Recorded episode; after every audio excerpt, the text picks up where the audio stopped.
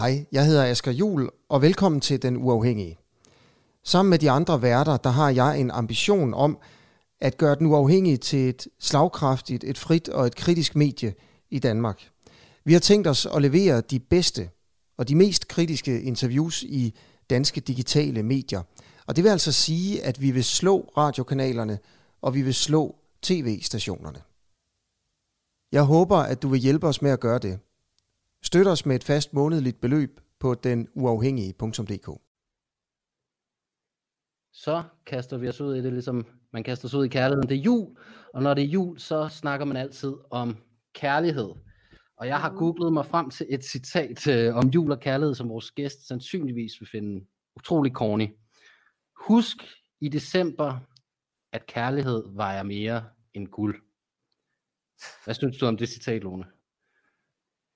Jamen, det er jo sådan et typisk, øh, et, ligesom de der små forbandede tegninger, man altid så, øh, en, en lille mand og en lille dame, og noget med kærlighed er, og så sad de og lavede et eller andet trælst, ikke? Altså, øh, og hvorfor skulle det være i december mere end i alle mulige andre måneder? Ikke? Altså, nej, det, det er netop det her corny, det er en lille smule kvalmende, og det på en eller anden måde, så devaluerer det også altså den, den alvor, der faktisk er kærlighed. Så ja, det er Ja, ikke, det er jamen ikke altså- Nej, okay. Altså, og du er jo altså videnskabsjournalist på Weekendavisen. Øhm, og i øvrigt også, øh, også, du har sådan en Ph.D. i neurobiologi.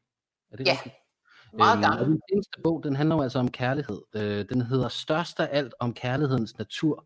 Den har i øvrigt fået rigtig fine anmeldelser. Øh, den tegner et portræt af kærligheden som fænomen, men også et portræt af dig fra barndom til voksenliv. Øhm, og fænomenet kærlighed, det belyses i denne her bog fra mange, mange forskellige vinkler. Evolutionsbiologiske, neurokemiske, kulturelle, psykologiske og sociologiske. Og dem kommer vi måske ind på senere. Øh, men altså, først så bliver det nok lidt mere alvorligt, øh, end mit indledende citat i hvert fald. Øh, du skriver tidligt i bogen, Lone, kærligheden kan komme bag på en. Man kan gå og tro, at man ved, hvad den handler om, og at man kender sine egne følelser. Selvfølgelig gør man det. Men så svinger tilværelsen sit baseballbat, rammer en rent og får det til at rasle ud med halve og hele erkendelser. Så mit spørgsmål her, det er, altså, hvad er det for et baseballbat, øhm, som tilværelsen svingede i retning af dig, øhm, og som gav dig et nyt blik på kærligheden? Jamen det, der overhovedet gav mig øh, stød til og interessen for at skrive om kærlighed, det, det var, at jeg i virkeligheden oplevede at, at miste den fuldstændig.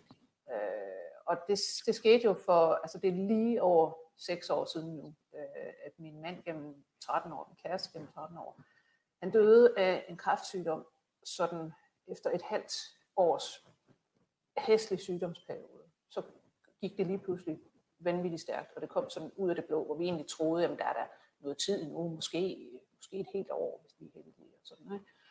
og så, så dør han lige pludselig i morgen.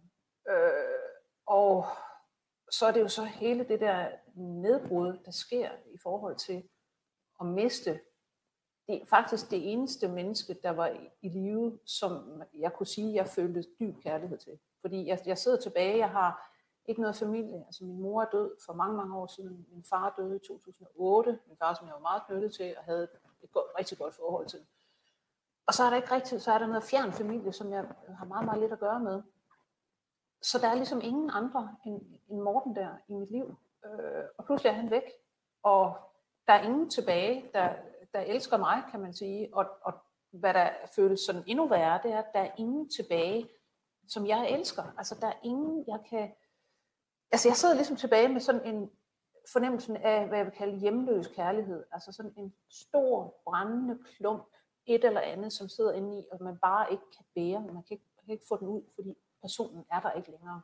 Hmm. Og jeg, det- det der med, at jeg skriver der, at, at, øh, at kærligheden kan komme bag på en, ja, på den måde, at øh, det kan være overvældende, øh, og virkelig hvad skal man sige, fornemme sådan pludselig, hvor meget man faktisk, hvor meget et menneske betyder for en, for, hvor meget man elsker vedkommende. Det kan godt øh, slå hårdere, end man lige troede. Og jeg, jeg må indrømme, selvom det er sådan en, altså det er en meget ubehagelig ting i virkeligheden, at indse, at hov, jeg vidste ikke helt, hvor, hvor hvad skal man sige, dybt jeg var knyttet til den mand. rent faktisk. Mm. Altså, det går op for mig, skal, det Jeg skal lige sige til lytterne, at, øh, at de kan stille spørgsmål til Lone Frank, hvis de, hvis de finder på noget, så øh, bare kast ind til os. Øhm, ja. Men ja, du skriver, øhm, du skriver i bogen, jeg troede, at jeg vidste, hvad sorg og savn var, fordi jeg allerede havde mistet min mor dengang på kanten af barndommen, og mange år senere også min far, som altid været, havde været et holdepunkt i livet.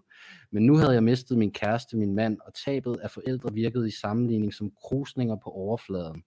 Det her var smerte af en helt anden orden. Den kærlighed, som var blevet hjemløs, gjorde opmærksom på sig på en helt anden måde. Ja, det vil, det vil jeg sige, altså, øh, at det var fuldstændig, fuldstændig anderledes. Øh, altså, sorg er slemt, altså, og, og sorgen over både min mor og min far var, var, var meget slemt, og det ved alle, der har mistet forældre, også selvom man er gammel, når man gør det. Men, øh, men det her, det var bare på en eller anden måde, øh, det var en helt anden fornemmelse. Altså, det, det, jeg tror, det hænger sammen med, at det, den der fornemmelse af, at det, det er unaturligt. Det, hvorfor sker det her midt i livet? Det, det skulle jo ikke være nu. Altså, man dør jo for fanden ikke, når man lige er over 50. Øh, og, og, og det, at det er et, menneske, man, man lever sammen med, og, og du ved, har en fremtid sammen med, pludselig bare væk.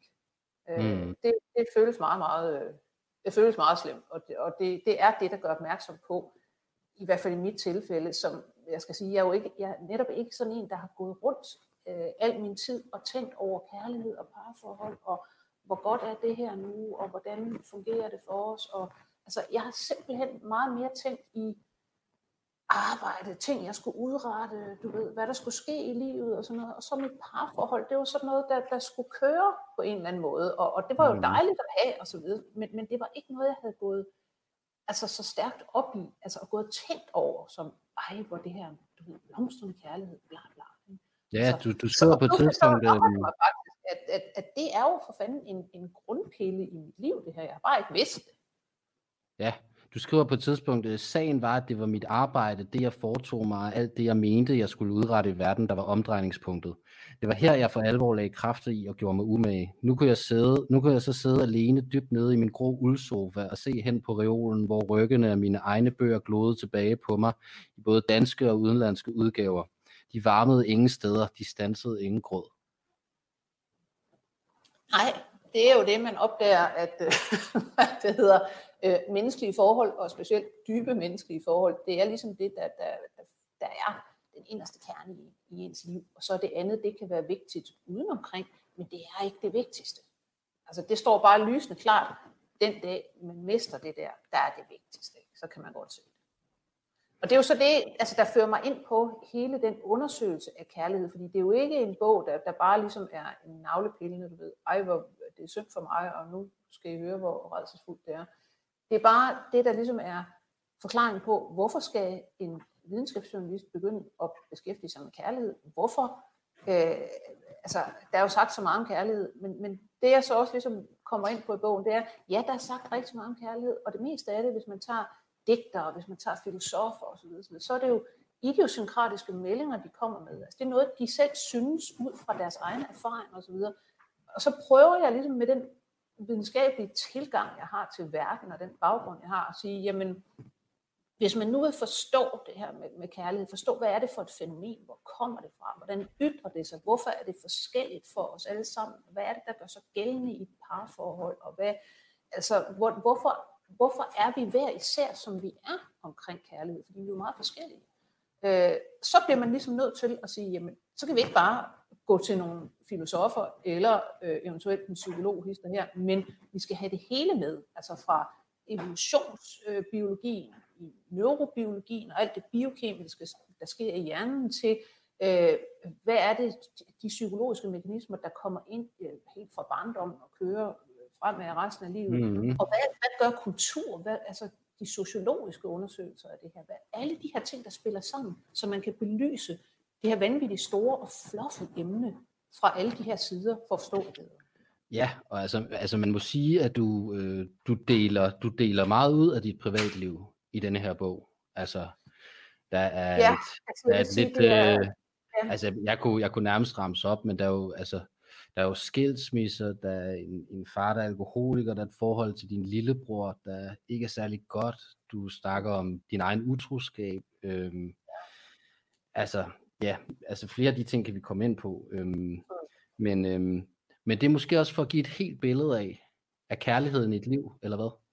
Ja, altså det er for ikke at lave det til, fordi jeg vil jo gerne lave, jeg vil jo ikke lave populærvidenskabelige bøger på den måde, at nu går jeg bare ud og kigger på noget forskning, og så formidler jeg det sådan lidt bevidstløst med nogle smarte venner. Jeg vil gerne lave litteratur, øh, som er funderet i noget virkeligt, og som også kommer ind i, i nogle af de der øh, hvad det hedder, øh, videnskabelige emner. Så det jeg gør, er selvfølgelig at sige, jamen, nu, nu altså, bruger jeg det, jeg selv øh, kender til, ikke? Øh, og får det til at være en, en indgang eller en nøgle til et større emne, der gør tingene øh, altså universelle øh, og, og relevante for andre. Så, så det er egentlig, jeg bruger mig selv som sådan et lille gentagende brækjern. Mm. Jeg kan huske, det var sådan og sådan, da jeg, du ved, om det nu er forelskelse, eller det er, hvad der hedder, forældrekærlighed, eller et eller andet. Og så folder jeg derfra det større emne ud. Så det er simpelthen som, for at gøre det både læseværdigt og, øh, og tilgængeligt. Og jeg kan også høre fra de reaktioner, jeg får, det er jo, at, at det, der får folk til faktisk, at, at når bogen fænger, så er det jo fordi, de siger, at jeg, jeg kan spejle mig i det og det og det, som jeg kan genkende hos mig selv af det, du siger. Eller noget, hvor jeg kan genkende for eksempel øh, nogen, jeg kender i det, du siger. Eller hvad det nu er. Ikke? Så det er den mm. der form for identifikation og spejling, der gør, at, at det er læseværdigt. Ja, og altså, altså for lige at runde øh, altså, det, her, det her tidspunkt, hvor, hvor Morten han dør, øh, af på, altså, og inden vi bevæger os helt ind i, i kærlighedsterritoriet, altså du snakker på et tidspunkt i bogen om, øh, og det er nok også for, at folk kan forstå, hvor, hvor skidt du egentlig havde det, altså om, at, at din oplevelse af sorg var, at den var savtakket, fordi du, du, du var jo alene hjemme øh, på din sofa i et halvt år, kan jeg forstå, ja. eller sådan. Ja. Øh, du skriver, antagelsen, som også var min egen, er, at man starter på bunden af et dybt sort hul, men langsomt øh, kravler op og følger en nogenlunde jævnt stigende kurve, der ender på overfladen i noget, der ligner et før. Men kurven var savtakket. Savnet blev ikke bedre, men derimod værre på den anden side af de første to måneder. Øhm, og der blev ved med at være et sort hul. Øhm, ja. Og altså det faktiske, altså jeg synes den voldsomste scene i den her bog, det, det er der, hvor det, det kulminerer faktisk med, at du, du er ved at tage dit eget liv med, øhm, med et pilleglas Doltar 30 mg, der står på natbordet. Ja, ja eller, jeg, for, eller jeg, jeg tænker i hvert fald så alvorligt over, at, at, at jeg ringer til diverse giftlinjer og sådan noget for at sikre mig, at, at der nu faktisk også er dødelig dosis i det der, fordi det er jo sådan nogle tabletter, jeg selvfølgelig har til overs fra øh, hvad hedder, min kæreste der, som fik det som smertebehandling. Og så øh, ved jeg jo ikke, fordi det er sådan nogle depottabletter, øh, og og det er ikke sikkert, at der faktisk er nok i sådan nogle, at det går, der går for lang tid, så man kan risikere, at du ved, bare at ligge og der sker ikke en skid. Og så prøver jeg at ringe til de her giftlinjer, øh, og til 1813, og, og der er ikke rigtig nogen, der vil svare mig på mm. altså, og det, det ene sted får jeg bare sådan en, altså det kan jeg så ikke beskæftige mig med, farvel.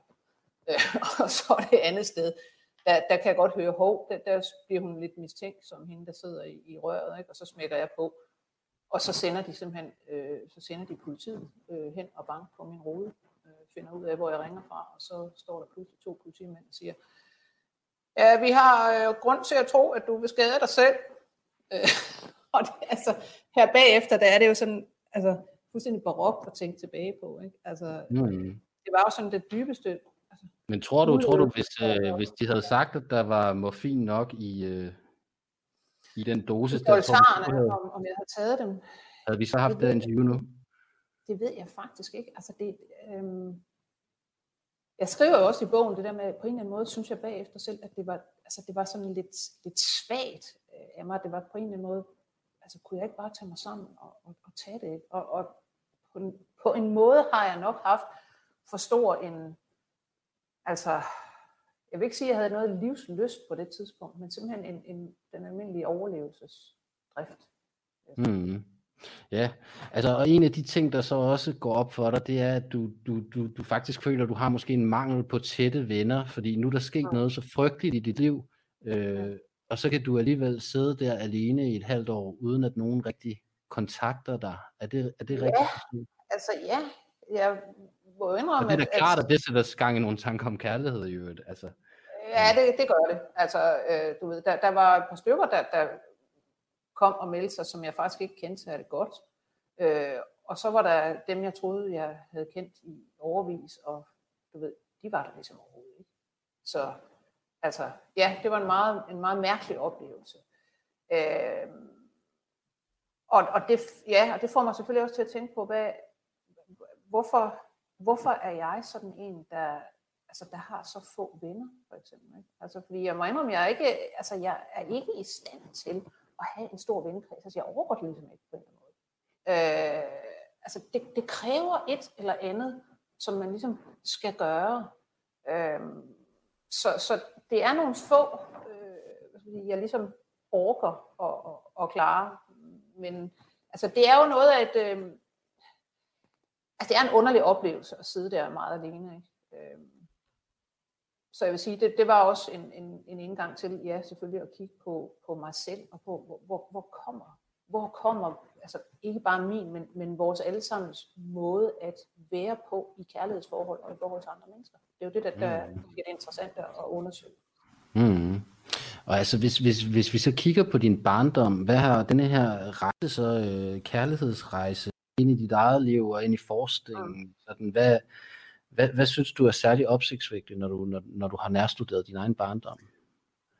Jamen, det, det interessante var, det, var jo egentlig, at jeg fik et noget andet syn på den barndom, end jeg har haft. Øh, ved at kigge altså nøje på den, men at kigge på den også igennem nogle forskningsmæssige briller rent faktisk. Fordi øh, jeg skal indrømme, at, at jeg sådan ofte har tænkt på og har også omtalt min barndom som sådan, at det, det, var en, det var sgu en hård barndom. Det var en ringe barndom på mange måder. Ikke? Øh, og det jeg sådan egentlig tænkte på, det var, at jamen, alt var sådan set godt nok og glimrende til jeg var ni år gammel. Så øh, fandt mine forældre på at flytte os fra Rigskov, hvor jeg var vokset op, indtil da, hvor vi boede, til et nedlagt øh, husmandssted langt ude på landet. Og i løbet af en, jeg hvad tog det dem, tre år på det husmandssted, øh, så fik de også øh, ødelagt deres ægteskab, og, og min far fandt den anden, og det hele faldt fra hinanden, og, og alt var forfærdeligt. Og så gik der øh, et år, fra de var, øh, to år fra de var blevet skilt, til min mor fik kræft, og så tre år senere dør da jeg går i gymnasiet. Så jeg, jeg har egentlig bare set den barndom og ungdom som, det var dog et, et langt, hæsligt forløb. Ikke? Rejselskabinet. Øh, ja, rejselskabinettet. Ikke? Og så øhm, øh, begynder jeg at kigge på, i forbindelse med den her bog, øh, hvad er det, der gør sig gældende i forhold til øh, kærlighed øh, fra forældre øh, til børn der i starten. Altså hvor vi snakker om tilknytning mellem de helt små børn, altså i løbet af det første år, og så dem, der tager sig af dem, deres forældre. Mm. Okay? Og så viser det sig hele den her store forskning, der, der folder sig ud omkring det her tilknytning, hvor ekstremt vigtigt det er, øh, hvordan man bliver præget, og, og hvad det er for et forhold, man har til sine forældre på det der tidspunkt, hvor man ikke engang, man kan ikke huske det, man kan ikke, altså det, det, men det kommer til at ligge som mønstre i vores hjerner og hvad skal man sige, gør sig gældende i forhold til de forhold, vi kommer til at have til venner, til kærester, til vores egne børn, til børn, til alle mulige andre mennesker resten af livet. Og når jeg begynder at kigge på det her øh, og ser på den, hvad skal man sige, den trygge tilknytning og, og den, hvad skal man sige, det, det gode forhold, man kan have til forældre, som jeg vil sige, jeg havde en tryg tilknytning til begge mine forældre. Og det er det her med, at ens tilknytning faktisk har stor betydning for, hvordan man kan udvise kærlighed senere i livet også, men, men, ja, men fortsætte den her.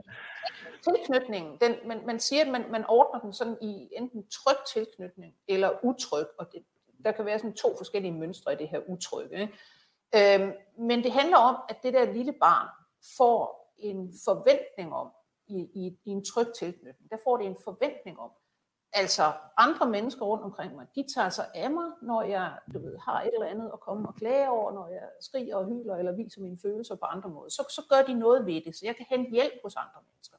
Mm. Og omvendt, øh, eller øh, hvad det hedder, i forlængelse af, så har man også fornemmelsen af den her trygge tilknytning, at jamen, der er sådan nogle bagstopper, der tager sig af mig, så jeg kan godt gå ud og, og udforske verden og gøre ting og sager. Jeg har ligesom en, en tryg havn at søge ind i. Den utrygge tilknytning er derimod noget med, at man altså jo forventer, man forventer ikke, at andre mennesker nødvendigvis for eksempel altså kan, kan udholde og, og, og, hvad det hedder, og se ens øh, negative følelser. Og hvis man har det, der hedder en, en, en afvisende utryg tilknytning. Det er sådan nogle børn, der, der typisk ikke græder og ikke, ikke er vanskelige. Øh, men indeni er de bare møgstressede. Det er sådan der sidder mm. hen i børnehaven, og alle synes, at det var da herligt. De sidder jo fuldstændig stille der. Ikke? De klager ikke over noget. Men de kan godt være mega stressede. De har bare den oplevelse i deres tilknytning hjemmefra, at det nytter ikke noget at komme og hyle og skrige, eller, eller i det hele taget vise nogle altså lidt negative følelser. Det, det bliver ikke taget godt imod, så det gør de ikke. Øh, og det bliver jo det bliver for eksempel et mønster, som kan gå igen i, i deres forhold fremover, at de forventer faktisk ikke, at de kan komme til deres nærmeste med noget. Det kan være sådan nogen, du ved, som man kender fra parforhold, hvor de bare, de siger ikke noget. Altså man siger, hvad fanden er der galt? Jeg har mærket på dig, der er et eller andet galt. Nej, der er ikke noget galt. Du, du, du skriver på et tidspunkt i bogen, at det er åbenlyst, at folks evne til at, at vise kærlighed er forskellige, eller sådan et eller andet ja. den dur.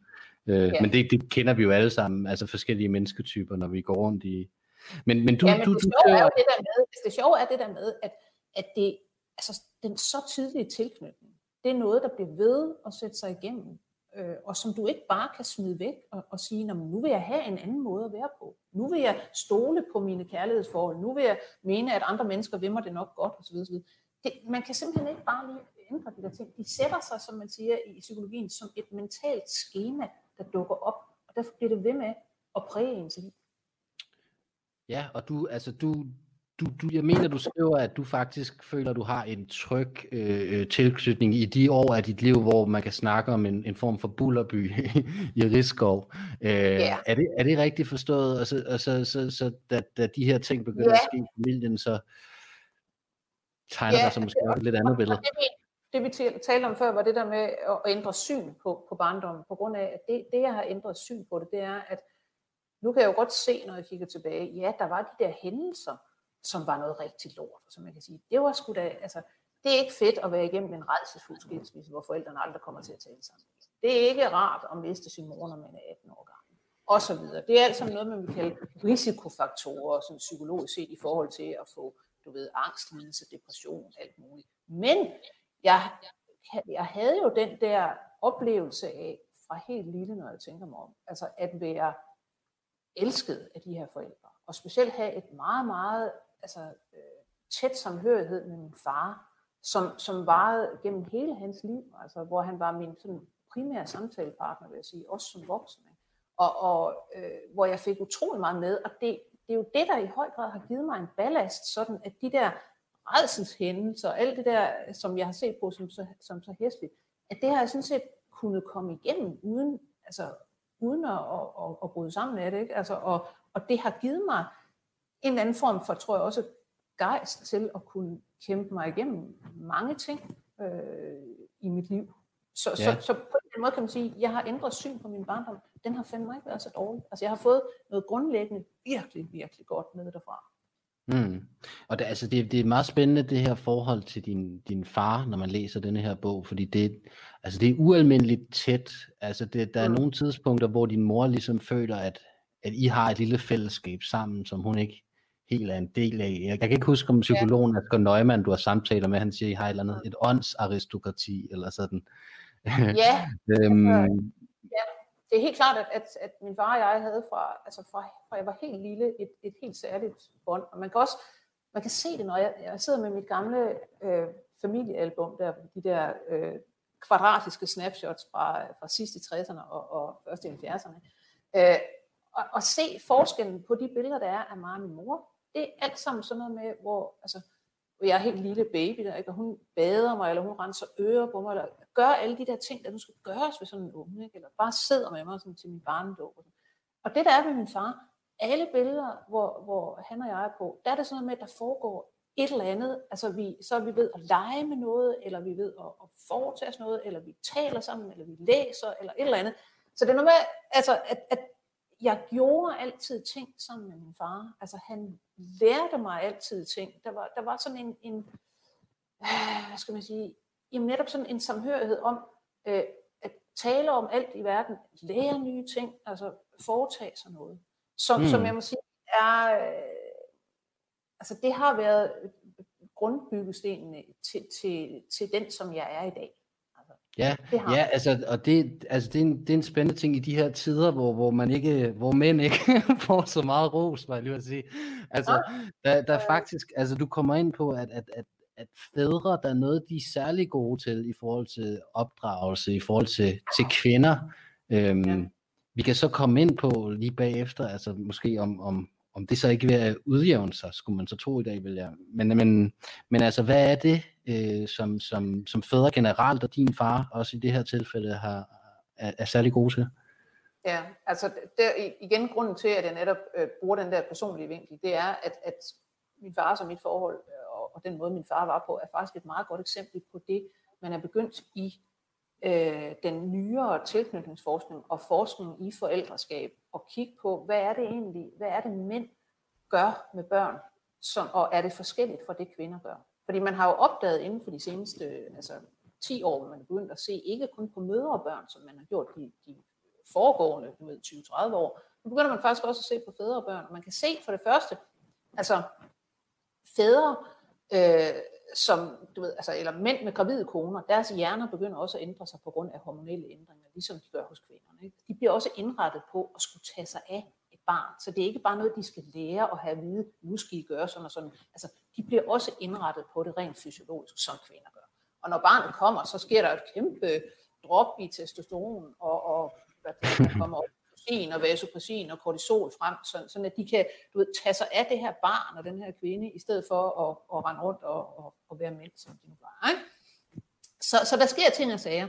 Det man så kan kigge på, altså hen af, af forløbet med, med altså omgangen med børnene, ser også ud til øh, altså gennemsnitligt at være forskelligt. Mænd bruger meget mere tid på... Men hvad, hvad altså jeg får bare lige det der, det der dyk i, det der dyk, altså neurokemiske dyk i testosteron ja. og sådan noget, altså hvorfor, hvorfor bliver det sat i gang?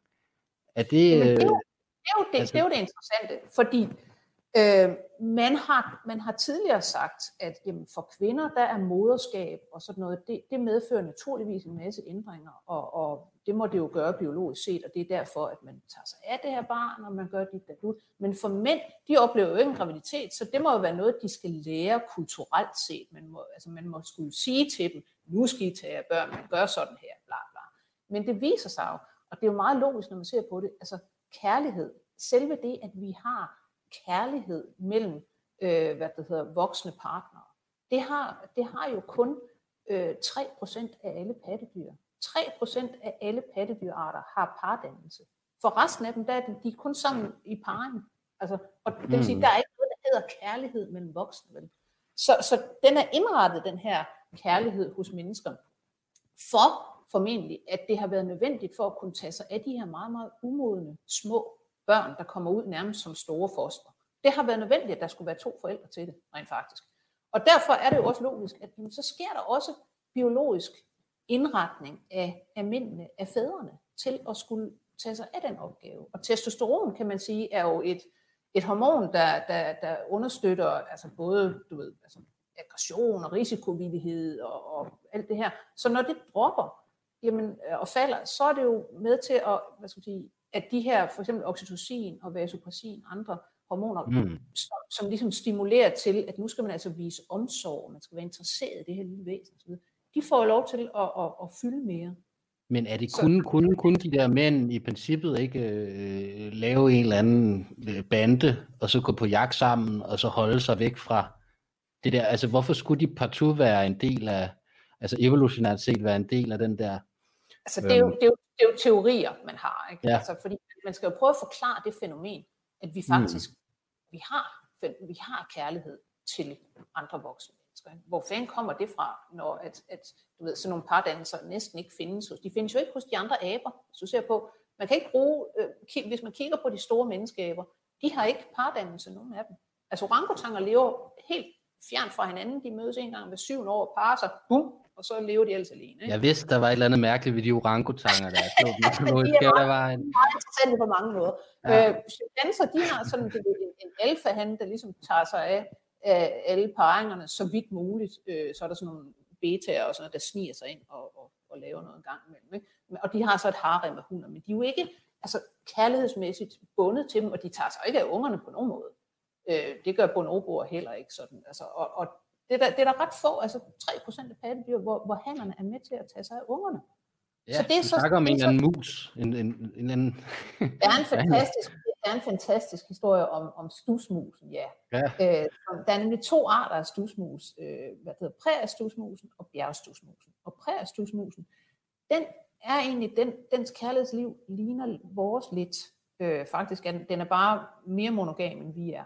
Øh, den danner nemlig par for livet. Øh, og livet, det er jo så to år langt, når man er stusmus. Ikke? Øh, men den første parring, sådan en han og en hun har, det var mange, mange, mange timer. Og der, der laves deres øh, ting og sager kredsløb i deres hjerner simpelthen om, så de bliver, skal de, altså, de bliver dybt øh, forelsket i hinanden og, og, og indgår et, et kærlighedsbånd. Så de vil fra nu af, så lever de sammen. De kan godt finde på at parre sig af arten. ja, det var, det var det, jeg ja, synes var lidt sjovt. Ja, ja, ja, skriver du det. De kan ja, godt lide... Ja, de kan finde på det, men de går altid hjem, og de, de, de, de bor sammen, og de opdrager øh, de her små museunger sammen. Han tager sig lige meget af dem som hunden. Øh, og man kan se altså soveadfærd, når, når hvis den ene partner dør, så er den anden fuldstændig ligeglad med livet. Og, og, altså, det, det er virkelig øh, som at se mennesker. Så er der deres fætter der, øh, bjergstusmusen, som ligner den fuldstændig udenpå, og genetisk er de også stort set ens. Men den er promiskuøs, som det hedder. Altså hverken huller eller hanner øh, har noget sådan, du ved, altså de parer sig på kryds og tværs, og så er de ellers sådan ligeglade med hinanden, de bor ikke sammen. Øh, hannerne øh, er ikke med til at opdrage ungerne. Øh, og der har man jo så fundet ud af, at jamen, den eneste forskel, man egentlig kan se på de her øh, mus, det er, hvordan nogle bestemte receptorer for, for altså de her kærlighedshormoner, øh, oxytocin og vasopressin, hvordan de er udtrykt, altså hvor mange der er af de receptorer i nogle bestemte hjerneområder. Det er simpelthen det, der former, om sådan en mus, den reagerer på den ene måde eller den anden måde. Og hvis du begynder at manipulere med dem, altså sprøjte noget ekstra oxytocin ind i de der promiskuøse, så bliver de pludselig også, så vil de også danne par. Og hvis du tager dem, der danner par, og blokerer de der receptorer, så de ikke kan mærke deres oxytocin længere, så holder de op med at elske deres partner og går hjemmefra. Altså, mm. så, så det, det koger jo ligesom det her med kærlighedsforhold og, og hvad skal man sige, de her følelser, vi, vi ser som sådan meget altså uforklarlige, sådan noget, det koger dem jo ret meget ned til nogle få receptorer og nogle få hormoner.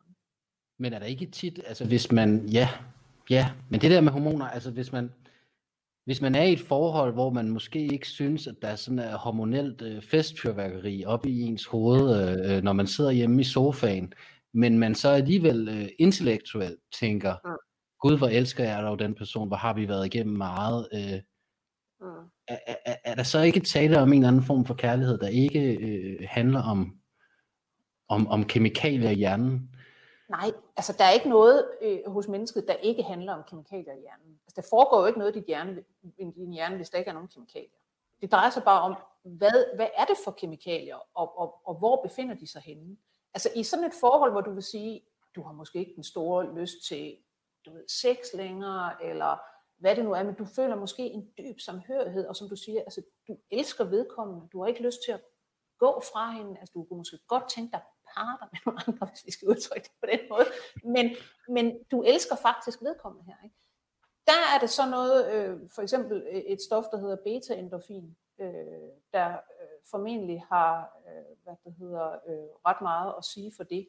Øh, og, og sådan er der sikkert flere skal man sige, kemikalier og, og flere altså, det er også noget med hjerneaktivitet selvfølgelig. Hvordan er ens hjerne efterhånden blevet skruet sammen? Fordi det, at du føler noget for nogen, det er jo en, altså, det er jo noget, der ligger i din hjerne. Det er en masse erindringer, det er nogle ting og sager, der er blevet bundet sammen, sådan at når du ser vedkommende eller tænker på vedkommende, så får du altså, den der fornemmelse af kærlighed, som jo ikke bare er én følelse, vel?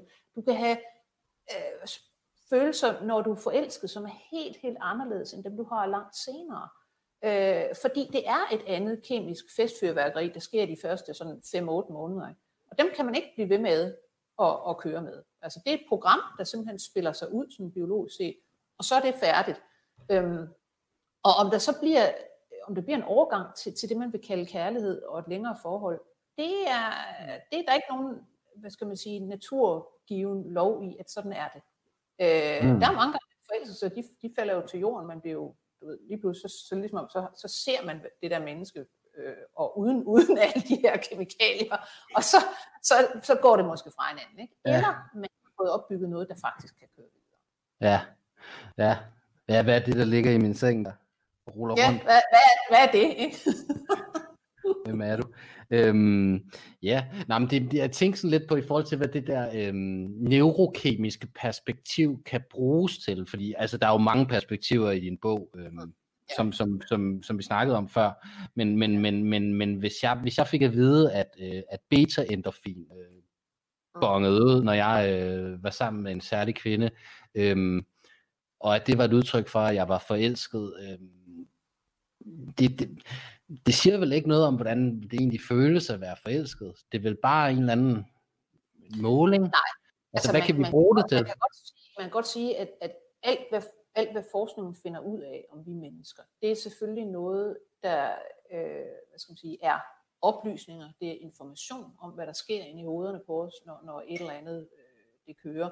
Og, og det ændrer jo netop ikke på den skal sige, den subjektive oplevelse af en forelskelse, om du ved, hvordan det kemisk ser ud. Det gør det jo ikke. Altså, og det er også derfor, at når nogen siger, ah, at man affortryller man ikke hele verden, når man ved så meget om den. Nej, det gør man ikke. Det bliver, det bliver faktisk bare mere interessant. Fordi øh, man kan jo så også begynde at, og man kan jo begynde at tænke over øh, den måde, man netop, altså lad os sige, omgås øh, kærlighed, når man og der skal jeg jo tilbage til det her med, at bogen indeholder nemlig mange andre videnskaber end bare det biokemiske, fordi den er selvfølgelig ikke nok. Det er ikke nok at sige, jamen der sker sådan og sådan inde i en stusmus, og der sker sådan og sådan inde i et menneske, og så kan vi gå videre til noget andet. Nej, man skal også kigge på for eksempel, jamen altså psykologi, det er et højere niveau, altså ovenover øh, altså neurobiologien, og kigge på det sociologiske kulturforskning. Når man for eksempel begynder at kigge på, jamen det her med, at man øh, efter en forelskelse måske altså enten øh, hvad det hedder, får et forhold til at køre, eller ikke gør. Der er det jo interessant at vide, at det for eksempel ikke er naturgivet, at man kører videre, altså med, med hvad skal man sige, fordi man har været forelsket, behøver man altså ikke at udvikle kærlighed til nogen. Fordi hvis man kigger på, vi har jo nogle forventninger, vi har nogle kulturelle forventninger, der hedder, at et kærlighedsforhold for eksempel. Hvis du har et langvarigt kærlighedsforhold til nogen, så skal det jo helst være startet som en stor, vanvittig forelskelse. Ellers er det ligesom ikke rigtigt. Det er jo en kulturel fortælling, vi har. Ikke? Og, og jeg synes, det, det er der, hvor man har... Ja, hvor, øh, hvor, ser vi den, hvor ser vi den fortælling henne? Jamen, den ser vi jo i, i den er jo gennemsyrende for vores kultur i virkeligheden. Ikke? Hvorfor mm. synes folk, det er så frygteligt, frygteligt, frygteligt forfærdeligt at blive skilt stadigvæk? Altså, det er jo helt legalt at blive skilt. Men men folk har det stadigvæk sådan, at det er jo store traumer, og, og, og det skulle jo helst have varet evigt og sådan noget. Hvorfor? Der er ikke noget naturgivet i, at de her forhold skal vare evigt. Det er der intet i menneskets natur, der tilsiger. Øh, og intet i vores biokemi, eller hvis man kigger tilbage igennem tiden, hvordan mon familiestruktur har været, der er ikke noget, der tyder på, at det skal være øh, livsvarigt, eller at et kærlighedsforhold skal være startet med en forelskelse. Øh, det er simpelthen ting, vi har fra romantikken, hvis man går tilbage til, til 1800-tallet, 1850'erne og fremad. Der finder mm. man på, at nu skal vi skulle til at gifte os af kærlighed, og da ægteskabet jo allerede er opfundet, og det er sådan noget livsvarigt noget på det tidspunkt, det kan man ikke bare sådan lige blive skilt vel i 1800-tallet, øh, så, så, så, så laver man selvfølgelig den fortælling, at jamen, det skal starte med det her festfyrværkeri af uendelig passion, og så vil det gå over til at blive sådan et, et kærlighedsforhold resten af livet. Ikke? Den forestilling lever vi egentlig stadigvæk med, at det er det, det helst skulle være. Og det er jo mm. mærkeligt. Altså, hvorfor i alverden skulle det helst være det? Ja, du skriver, du skriver øh, det er side 175. Flere peger på, at den vestlige forestilling om, at kærlighed er eller helst skal være fuldstændig løsrevet fra materielle hensyn, kommer fra den kristne tradition. Mm. Øh, det er ideen om, at den højeste form for kærlighed er en rent spirituel kærlighed til Gud. Men ja. øhm, men altså så det her spændende med, at, at, at, at vi på den ene side har øh, kulturen, der bombarderer os med, at vi skal have den, ene, den eneste ene, men, men at der faktisk, når man så ser på, hvem folk rent faktisk vælger, så kan der godt tegne sig et lidt andet billede, eller hvordan? Ja, det er sådan, øh, når man går ind i moderne datingforskning, som faktisk også er ret sjovt, der kigger man jo på, jamen, hvordan er det egentlig, hvad er det folk siger, de gerne vil have? Hvad er det, de tror, at de gerne vil have i en partner? Og det er jo sådan noget, som folk de, de skriver op i deres profiler, øh, hvis de er på sådan gammeldags dating services, og, og i det hele taget, de går rundt og taler med hinanden om, at en mand skal være sådan og sådan, ikke? han skal have en, en stor bogreol og bøf bourguignon og øh, nogle andre. Ja, den der Katrine Dias, ja. ja. Øh, og, og, og det er ligesom, altså der er sådan nogle klare ønsker. Så når man så kigger på øh, forskere, der har set på, hvad er det så, øh, folk de faktisk foretrækker, når de for eksempel er på speed dating, så viser det sig, at, at øh, det, det er faktisk meget sjældent, at man på forhånd kan sige, jamen nu matcher vi de her ud fra, hvad de har af ønsker. Øh, når man prøver at gøre det, og det har de her dating services jo prøvet på i 100 år, med at sige, at vi matcher folk på baggrund af personlighedskarakteristika, og hvordan man passer sammen med interesser osv., der er der langt større chance for at finde en partner. Det viser sig, det er jo en kæmpe stor løgn. Fordi folk ved jo ikke, hvad de faktisk kommer til at tænde på. Det kan godt være, at de har en fornemmelse af, at de tror, at de vil meget gerne have en mand med en masse bøger, eller en rig mand, eller du ved, en meget smuk kvinde, eller et eller andet. Øh, øh og, og så er det altså ikke det, øh, hvad skal man sige, de falder for, når de faktisk møder nogen. Så kan de, så kan de bagefter sidde og sige, som fem år senere, ja, jeg havde ikke troet, at, at det skulle være ham, eller det skulle være hende. Det, det, ja, ja, altså, og det, det skriver du faktisk også om i forhold til, det skriver du også om i forhold til dig selv faktisk, at den der ja. fortælling, den har du heller ikke været immun over for, fordi du har også, oh. for eksempel med Morten, så har du øh, ja. siddet i måske et forhold og, og været lidt skamfuld omkring, om du nu elskede nok, fordi du havde ja, en idé om, at det... Det er nærmere, jeg vil sige, det er nærmere at tænke på, det var fordi, vores forhold startede faktisk, øh, altså via en, en dating service, hvor der lynhurtigt sådan var, var øh, kontakt på de der, øh, hvad det, med, man skrev lidt frem og tilbage, og så mødtes vi, og så var det sådan set det. Jeg vil sige, det var aldrig sådan en, altså en vanvittig forelskelse, som man kan have, men det var sådan en umiddelbar oplevelse af samhørighed, og sådan, det her, det fandt mig godt. Fandt mig godt, altså. Øh, og så var det så i, i 13 år, ikke? Øhm, så der havde jeg jo, jeg havde mange gange, og det er derfor, jeg også kommer ind på det her med, med de kulturelle forestillinger. Jeg havde mange gange sådan lidt, flovhed over, at det kan, jo, det kan jo ikke være rigtigt, altså når det, det, det altså jeg har jo godt prøvet at være sådan vildt forelsket, og sådan skulle det jo helst have været. Altså, altså jeg havde sådan en eller anden form for nagende tvivl, det er noget underligt noget, det her, ikke? det kan ikke være rigtigt. Og det må jeg bare sige, det er, jo, det er en forestilling, jeg har haft. Altså, det var, det var sgu rigtigt, altså. Ja, ja, fordi øh, da, da han så er, ved, er, er borte, ikke, der, øh, der går det jo op for dig, hvor fantastisk det hele. Ja, man kan også sige, altså selvfølgelig hen ad vejen, ikke, har jeg jo, mm. altså, altså ja, det har, det har jo været godt, ikke, altså. Så, så, men det er interessant for, for os alle sammen, tror jeg, at, at prøve at kigge på, hvad er der egentlig, vi går rundt med af, af forestillinger, og dermed mentale skemaer, som vi prøver at leve op til, og, og proppe vores liv ind i, og proppe andre mennesker ind, og vores forhold osv., øh, og hvor det i virkeligheden måske ikke svarer til øh, det, vi oplever. Det tror jeg, mm. mange mennesker kunne have rigtig godt af.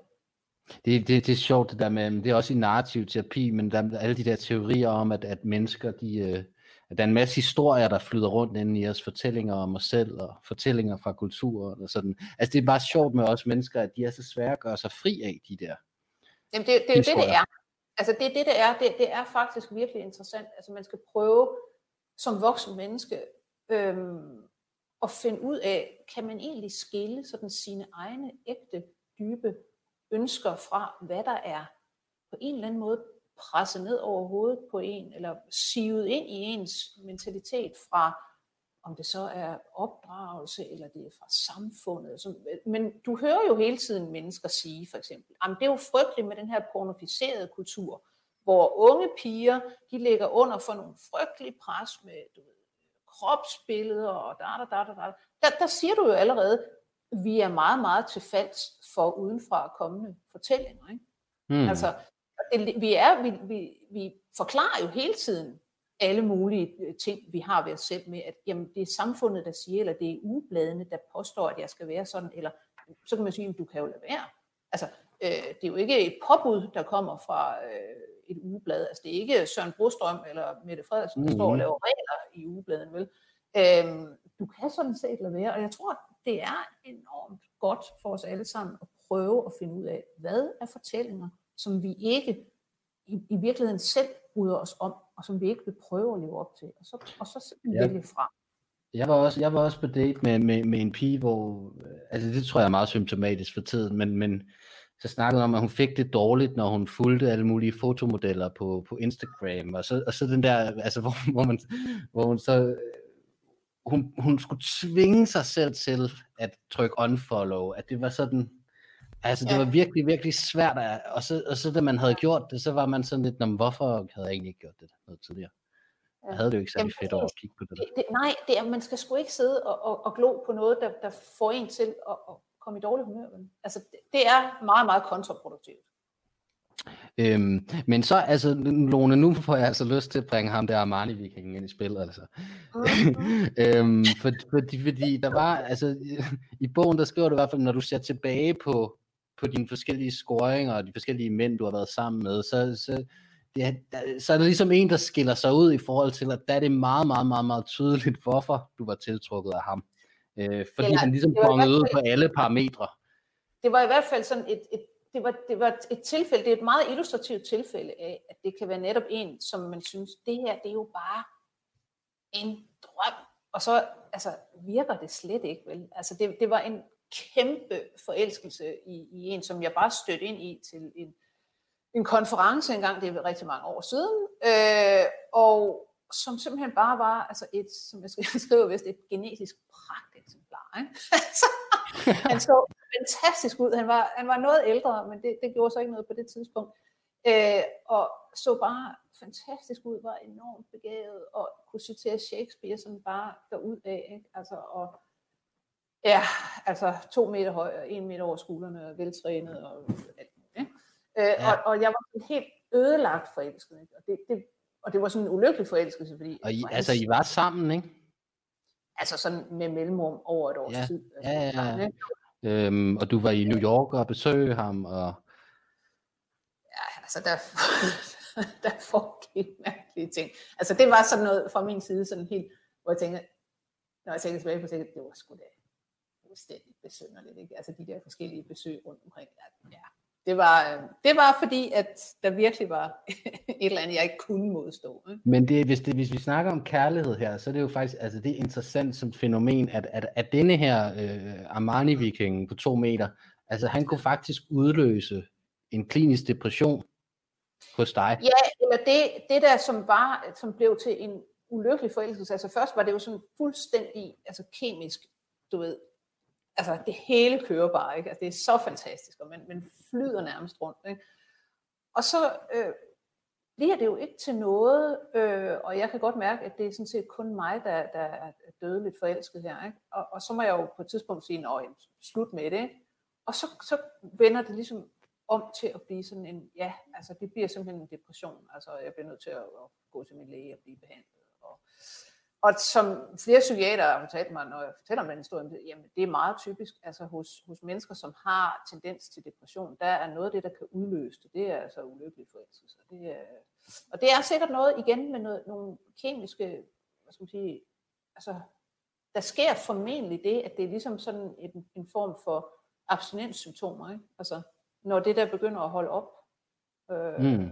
og ja, så er der ligesom ikke rigtig noget tilbage, så bliver man fandme trist. Ikke? Men der ville det så, med, når vi snakker om præstationskultur og sådan noget, så ville det jo have været frygteligt, hvis, altså jeg sad og tænkte, hvis jeg var, hvis jeg var kæresten, der kom før, eller, eller og, så, og så man ser dig nu sammen med ham Armani Viking, det er sikkert en hver øh, fyrs marit, er det en eller anden, øh, men øh, så jeg ved heller ikke, hvordan din nuværende kæreste har det, når du skriver om ham der viking der. Men, Ej, det, men, det, det, det, har jeg fint med, fordi min nuværende kæreste, han, han, han, ser også, han ser også fantastisk ud, og er også en meter over skuldrene. Altså ikke helt to meter høj, men altså, men, og han har et meget godt, godt. Øh, forhold til sig selv også, så du ved, der er ikke, øhm, men i hvert fald, i hvert fald hvis, hvis, hvis, hvis man har haft sådan en oplevelse, som, som noget med den der Armani Viking, og så man ikke kan justere sine forventninger efterfølgende, så kan man jo også løbe ind i problemer, eller hvordan? Det kan man formentlig, altså i det hele taget forventningsjustering. Øh, men jeg tror, altså, jamen vi, vi kender jo godt alle sammen formentlig folk, der har det sådan, at de bliver ved med at forelske sig i den forkerte. Og det er den samme type hver gang, at man tænker, lær vedkommende det der aldrig. Det går jo ikke i længden, det der. Men man kan heller ikke, det er svært at sige, hvor de kommer fra, øhm, de ting i ens psyke, der får en til at forelske sig i nogle bestemte. Det, det er jo ikke noget, man kan gå hen og sige med en formel, jamen det er på grund af sådan, sådan og sådan. Altså der er nogen, du forelsker dig i på bestemte tidspunkter, og, og så kører det ligesom derud af. Man kan ikke sige hvorfor. Øh, og derfor kan man heller ikke ligesom lave om på det. Vel? Altså, du kan godt, vi har sikkert også prøvet de fleste af os at møde nogen, hvor vi tænker, det her er på alle parametre skide godt. Det, det, det burde kunne køre det her. Ikke? Vedkommende, det ville være fint liv det her. Nej, hvor ville det være et godt liv. Ikke? Men man kan bare ikke rigtig, altså det, det tænder ikke på en eller anden måde. Så man bliver nødt til at, du ved, nej, det, det går sgu ikke. Øh, og det er, mm. det er jo den samme fornemmelse af, jamen jeg vil egentlig godt have den her pakke, men den siger mig bare ikke noget. Af uvist af hvilke årsager. Ikke? Ja.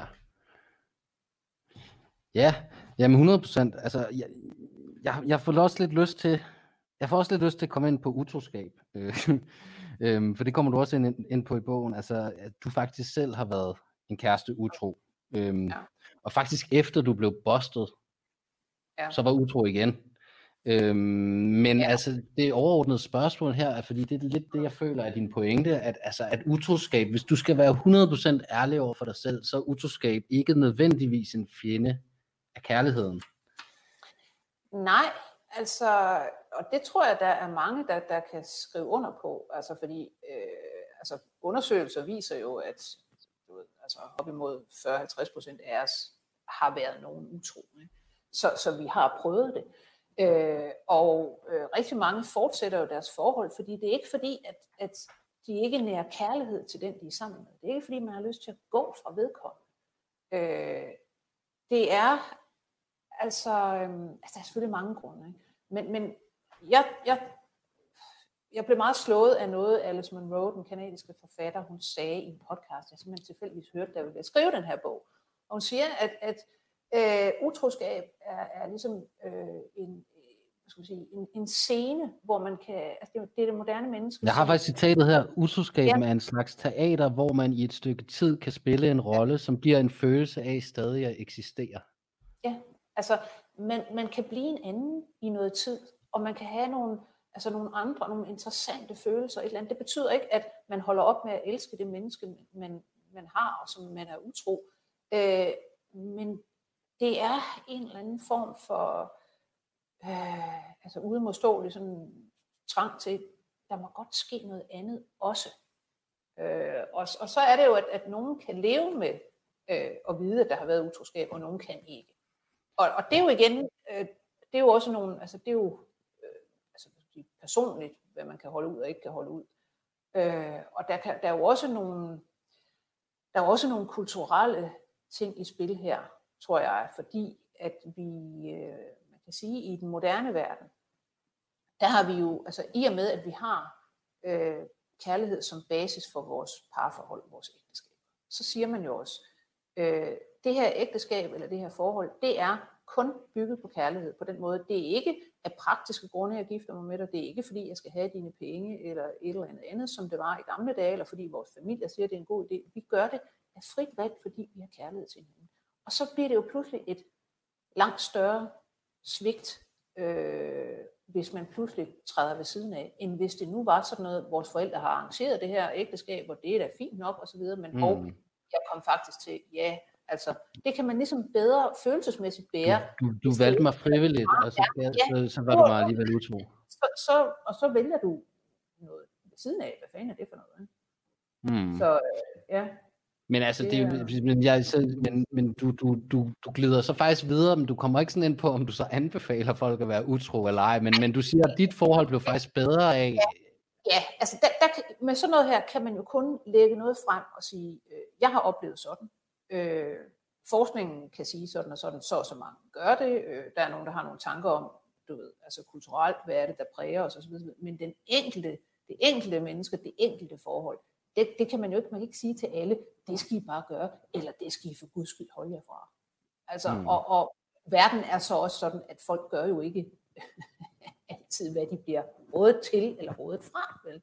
Øh, så, så altså, der er jo meget tale om i vores tid, altså samlivsformer. det er jo noget, man taler utrolig meget om, og det taler man jo også om, skal, altså, skal man prøve åbne forhold, øh, skal man prøve polyamori, skal man prøve det ene og det andet og det tredje, ikke? Og, og, og folk øh, forsøger jo mange forskellige ting, fordi igen, at vi er de dyr, vi er. Det vil sige, at vi har både en lyst til et, altså de der faste, langvarige forhold, hvor man netop oplever samhørighed og, og kærlighed. Og så har vi også lyst til spænding og forelskelse og liderlighed, ikke? Altså, som man kan have i sådan nogle utroskabs ting og sager. Mm. Så, så det, er jo, det handler om, hvor meget har man lyst til det ene og det andet, og hvor meget kan man modstå, fordi det vil såre nogen og alt det her. Ikke? Det, det, mm puslespil, havde han sagt. Der skriver du faktisk også noget, der er lidt, øh, altså som, som er lidt kontroversielt sikkert at indrømme, men nok er rigtigt. Altså, men at, at, at, at i, for, i forhold til din utroskab, at, at netop fordi du overskred en grænse, som du ikke måtte overskride, så blev det det mere spændende.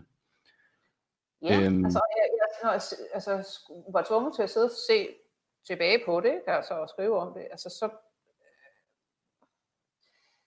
det var jo en eller anden meget barnlig faktisk trang til, ej, jeg vil simpelthen opleve det her. Nej, hvor er det spændende. Og der er nok ikke nogen, der opdager det. Altså, sådan virkelig.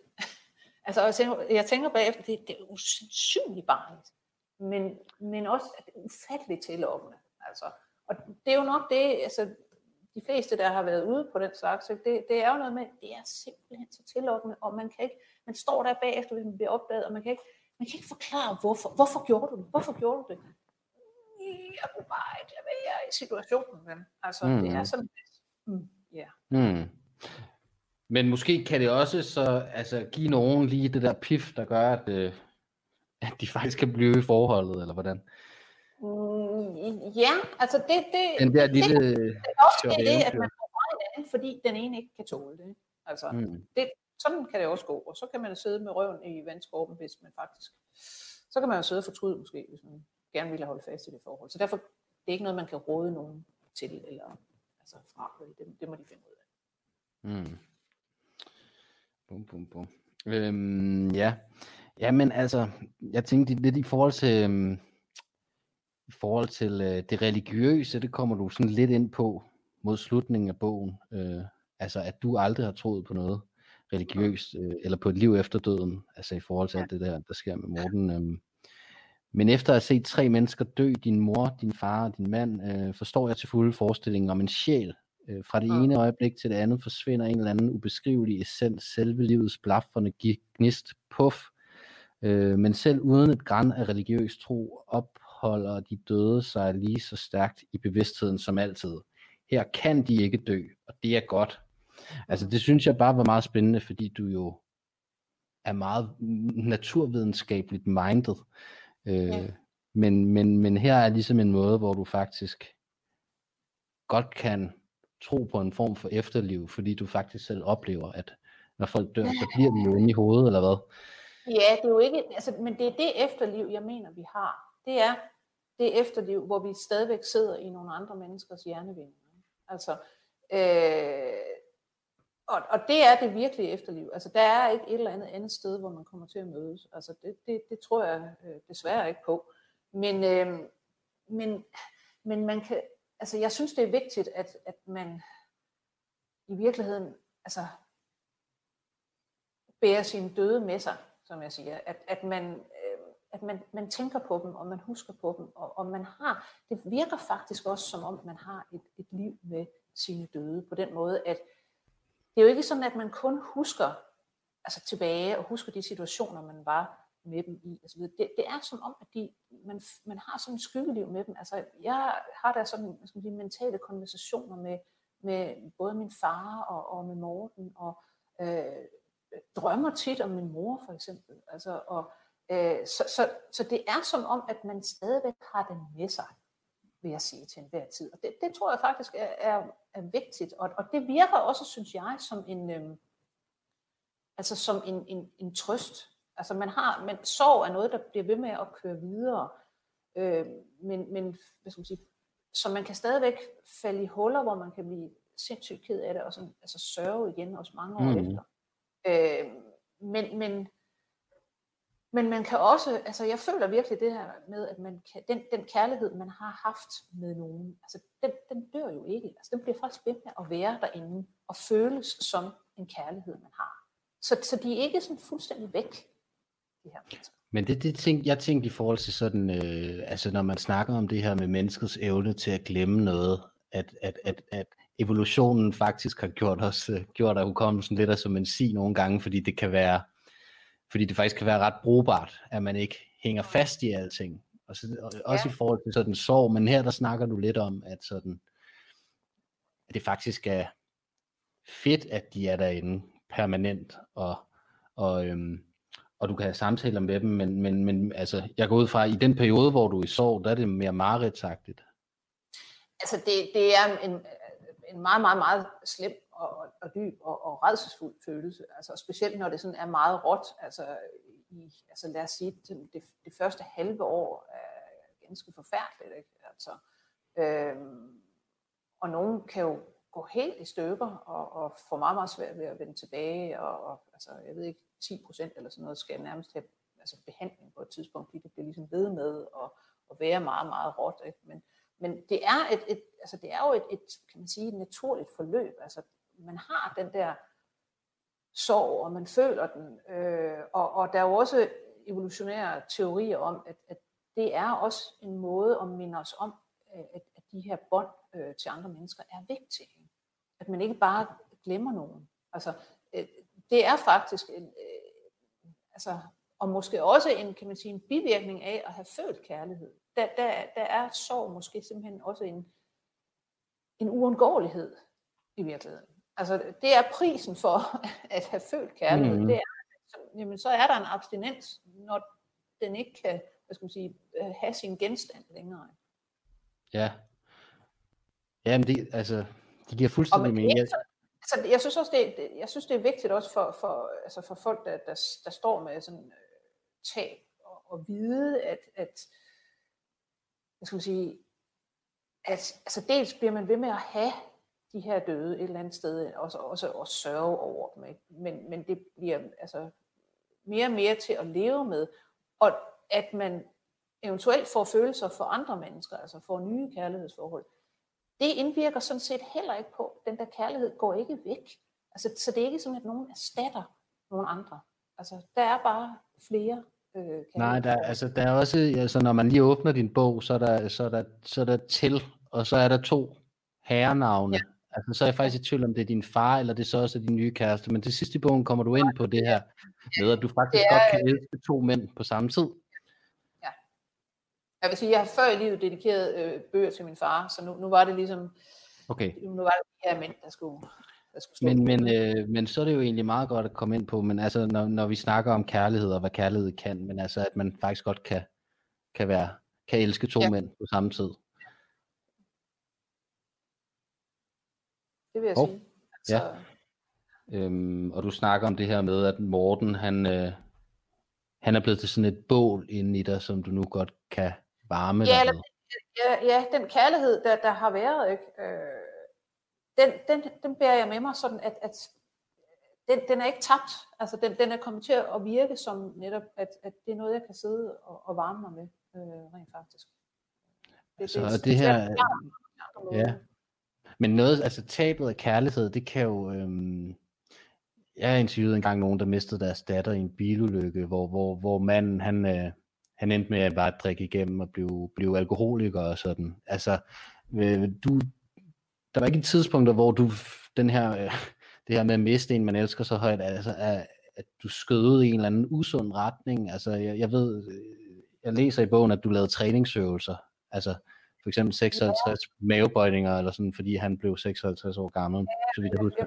Men, jamen, jeg, jeg fandt på sådan nogle ritualer, altså det er jo bagefter, at jeg sådan opdager i virkeligheden, at, at det er noget, som folk, der mister nogen, typisk gør. Altså, og det ser ud til at være noget af det, der får en sådan helt skinnet igennem, at man altså, opfinder nogle ritualer, der ligesom stadigvæk binder en til, til vedkommende. Og det fungerer på en eller anden måde. Altså. Men jeg vil sige, at øh, altså, øh, Ja, jeg tror, jeg skal have dit spørgsmål igen. ja, men ved du hvad? Ja, men ved du hvad, vi har også kørt nu i, i over en time. Altså, ved du hvad jeg faktisk tænkte på? Altså, din bog, den hedder jo Størst af alt. Ja. Øhm, og handler om kærligheden, men der er på et tidspunkt i, i, i bogen, hvor, hvor, hvor, hvor du skriver om, at du faktisk oplever kærligheden størst af alt, når den er i forhold til dyr. Øhm. Ja, jeg vil sige, jeg vil sige det, det var, nej, jeg, jeg, jeg taler jo lidt om, om den her sådan, altså igen vores forestilling om, hvad kærlighed er. Og hvor jeg sidder og snakker med den her psykolog, som jeg sådan øh, følger igennem bogen, og, og, og han du ved, kigger på, på mit liv og, og så videre, og så videre. Og hvor, hvor, jeg, hvor han så siger til mig på et tidspunkt, at, at kærligheden er jo ikke en følelse, skal du regne med. Altså, fordi jeg har egentlig gået rundt med sådan en, en fornemmelse af, at altså, Eva kunne jeg godt tænke mig sådan, du ved, en total sammensmeltning med, med et andet menneske. Altså den der store sådan romantiske forestilling om, at man bare sådan ligesom, man ved, at det er fuldstændig rigtigt, og man kunne ikke forestille sig, at det skulle være nogen andre, og det er bare den eneste ene aktiv, og det er bare så fantastisk. Øh, og så finder vi ud af, øh, og vi hvad skal man sige, øh, piller det lidt fra hinanden, og så viser det sig, altså, jeg må indrømme, det, det passer jo ikke rigtigt med min måde at være på. Det passer jo ikke rigtigt med min person, fordi jeg, jo også, jeg vil også meget gerne være meget uafhængig, og, og du ved, have meget frihed, og så videre, så videre. Så det er en, det er sådan en ideal forestilling, som jeg slet ikke egner mig til. Fordi jeg er ikke sådan en, der du ved, sådan hengiver mig totalt og bliver sådan fuldstændig opsuget af et andet menneske. altså, og, og, Nej, du, og så, du vil gerne udskyde at bo sammen så lang tid som muligt. Ja, og jeg kan, jo, jeg kan jo godt se på mig selv, der, det, det er en sted, hvor jeg sådan fuldstændig netop altså bare føler betingelsesløs kærlighed. Ikke? Øh, det er i forhold til dyr.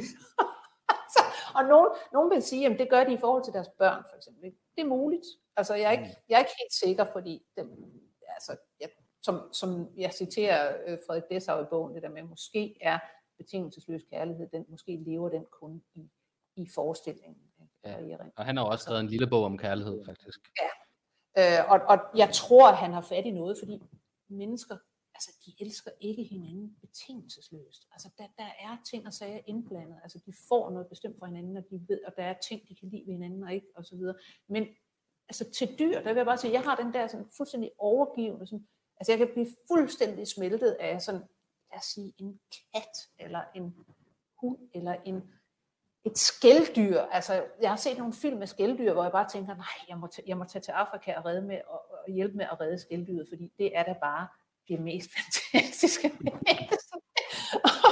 og, og, og det er jo en form for, altså det er jo netop, det er jo afløb for den der kærlighed, man kan komme af med. Det er jo simpelthen en, en fantastisk følelse, ligegyldigt om det er over for et dyr eller over for mennesker. Følelsen er jo den samme. Ikke? Og det er jo det, mm. der også er ved os mennesker, det at vi har fået den der app, man kunne kalde kærlighed, det er, at vi kan faktisk få de der følelser frem over for alt muligt. Altså for andre mennesker, øh, for andre arter. Nogle kan, være, altså kan jo føle dyb, dyb kærlighed til en tro, til en Gud, til en politisk idé. Hvad er det? Er det fordi, øh, ja, man måske også lige, altså psykologen han nævner også den der Milan Kundera-roman, øh, Tilværelsets uledelige lethed, som er ret fantastisk, men, men hvor, øh, hvor Thomas kæreste øh, har lettere ved at elske deres hund, end, øh, end hun har ved at elske ham, fordi han skal ligesom ind i byen og, og være sammen med andre. Øh, han er svær at have med at gøre, ikke? Den er bare, altså, den er bare dejlig. Ja. Øhm, jamen det er, men det er, jo, det er jo rigtigt nok, altså det er jo, den er jo svær at være sur på. Øh, er det jo ikke sådan en hund, der mangler et ben eller sådan noget? Er den ikke syg? Den bliver syg. Det er vist ja. et eller andet. Ja. ja. Øhm, man kan se, hunde og katte må også gerne være handicappet og så videre, altså, og vi elsker dem, ikke? Altså, Øh, de behøver ikke træne, og de behøver ikke noget som helst. Men vores kærester, de skal altså helst du ved, holde sig lidt i form. Altså, mm. altså, et, et, sådan, et måske lidt personligt spørgsmål, men det, du kommer også lidt hen over det. Altså, øh, altså det her med, at du selv ikke har valgt at, at, at få børn. Mm. Mm. Altså fordi ja. du, du er jo videnskabsjournalist, og jeg tænkte at, at snakke meget om de der programmer, vi har oppe i hovederne, og og et af de programmer, øh, evolutionsbiologer altid nævner, det er det der med, at vi, at vi skal reproducere os selv. Øhm, og det, ja, men programmet i det er vel egentlig bare, øh, hvad det, det er jo egentlig bare øh, seksuel lyst. Altså jeg tror ikke, at der faktisk er installeret et program, der hedder I, hvor vil jeg gerne have børn. Altså, det behøver der jo ikke at være. Der behøver sådan set bare at være et paringsprogram, så kommer det helt af sig selv. Ikke? Øh, og der er, der er jo mange, der ikke altså, har specielt lyst til børn. Eller, altså, og hvor meget af det, der er kulturelt, og hvor meget af det, der... Altså, vi har ikke, jeg tror ikke, vi har et sådan... Øh, et, alle sammen et dybt biologisk drive mod at få børn. Altså, jeg har det for eksempel ikke selv. Altså, mm. jeg har talt mange gennem tiden, så det har de da heller ikke. Altså, jeg har ikke mærket den store lyst til det. Nogen har så bare ligesom også fået børn, fordi jamen, nu synes vi, jamen, det skulle til, og et eller andet. Ikke? Og så elsker de de her børn, fint nok, men det er jo ikke sådan, at det har været en stor drift. Altså, ej, det skal vi simpelthen have, det må vi bare have. Og der tror jeg, der er meget kulturelt. Altså, jeg kan da høre på andre kvinder, der føler sig sådan lidt forfulgt nogle gange af andre menneskers spørgsmål. Altså, hvorfor vil du ikke børn? Altså, hvad er der galt med dig? Jamen, det er rigtigt. Det er det første, man sådan... Ja. Det er sjovt, og det det er sådan. Det, det er kulturelle forventninger. Nu har vi fandme mm. endelig nået en tilstand, hvor at kvinder behøver ikke få børn, hvis de ikke har lyst. De Man- gør man lige, Og så skal man man stadigvæk stå der og svare på spørgsmålet, hvorfor vil du ikke have børn? Man burde blive hyldet, fordi det er det bedste, man kan gøre mod øh, global opvarmning. For klimaet, ja. Præcis, ja. Øhm, ja, så er det fandme uretfærdigt, at man er ind der. Øhm, ja, jamen altså, Lone, altså sådan, øh, vores samtale, den stikker jo i tusind retninger, altså, men, men, men, øh, men hvis jeg du ligesom sige, at- skulle, Bogen er jo et, et fantastisk hele i virkeligheden, hvor du får rigtig mange vinkler, og også i en, hvad skal man sige, altså med en, en, en tråd igennem, så det er nemt at følge, hvis jeg nu skulle Mm. sige det. Yes. Vi kan lige slutte af med lidt, øh, lidt beskeder her fra Anders Madsen. Vi er da mere end blot dyret i os, og selvfølgelig er en skilsmisse, der trist, siger han. Øhm, der var en eller anden, der gav dig shout-out på et eller andet tidspunkt. Øh, det er hende, ham her, Tobias Mulvad. Ja, er god. elsker Lone Frank, og den er jo faktisk, den er faktisk meget god, når vi snakker om kærlighed, fordi der var jo den podcast, der hed Ingen elsker Lone Frank. Så ved du hvad, altså, måske skulle vi bare øh, stoppe på Thomas, øh, Tobias øh, Mulvads besked der. Ja, men jeg, jeg vil lige sige til alle dem, der har siddet og, og hørt os sige netop, jamen vi er da ikke bare dyr og så videre. Nej, men det er det, det er det hele bogen, den går ud på at vise, hvad for et slags fantastisk og komplekst dyr vi er, med kultur og forestillinger og historier og biokemi og det hele. Vi er ikke bare et dyr, vi er et dyr med alt, hvad det indebærer, det her menneskedyr.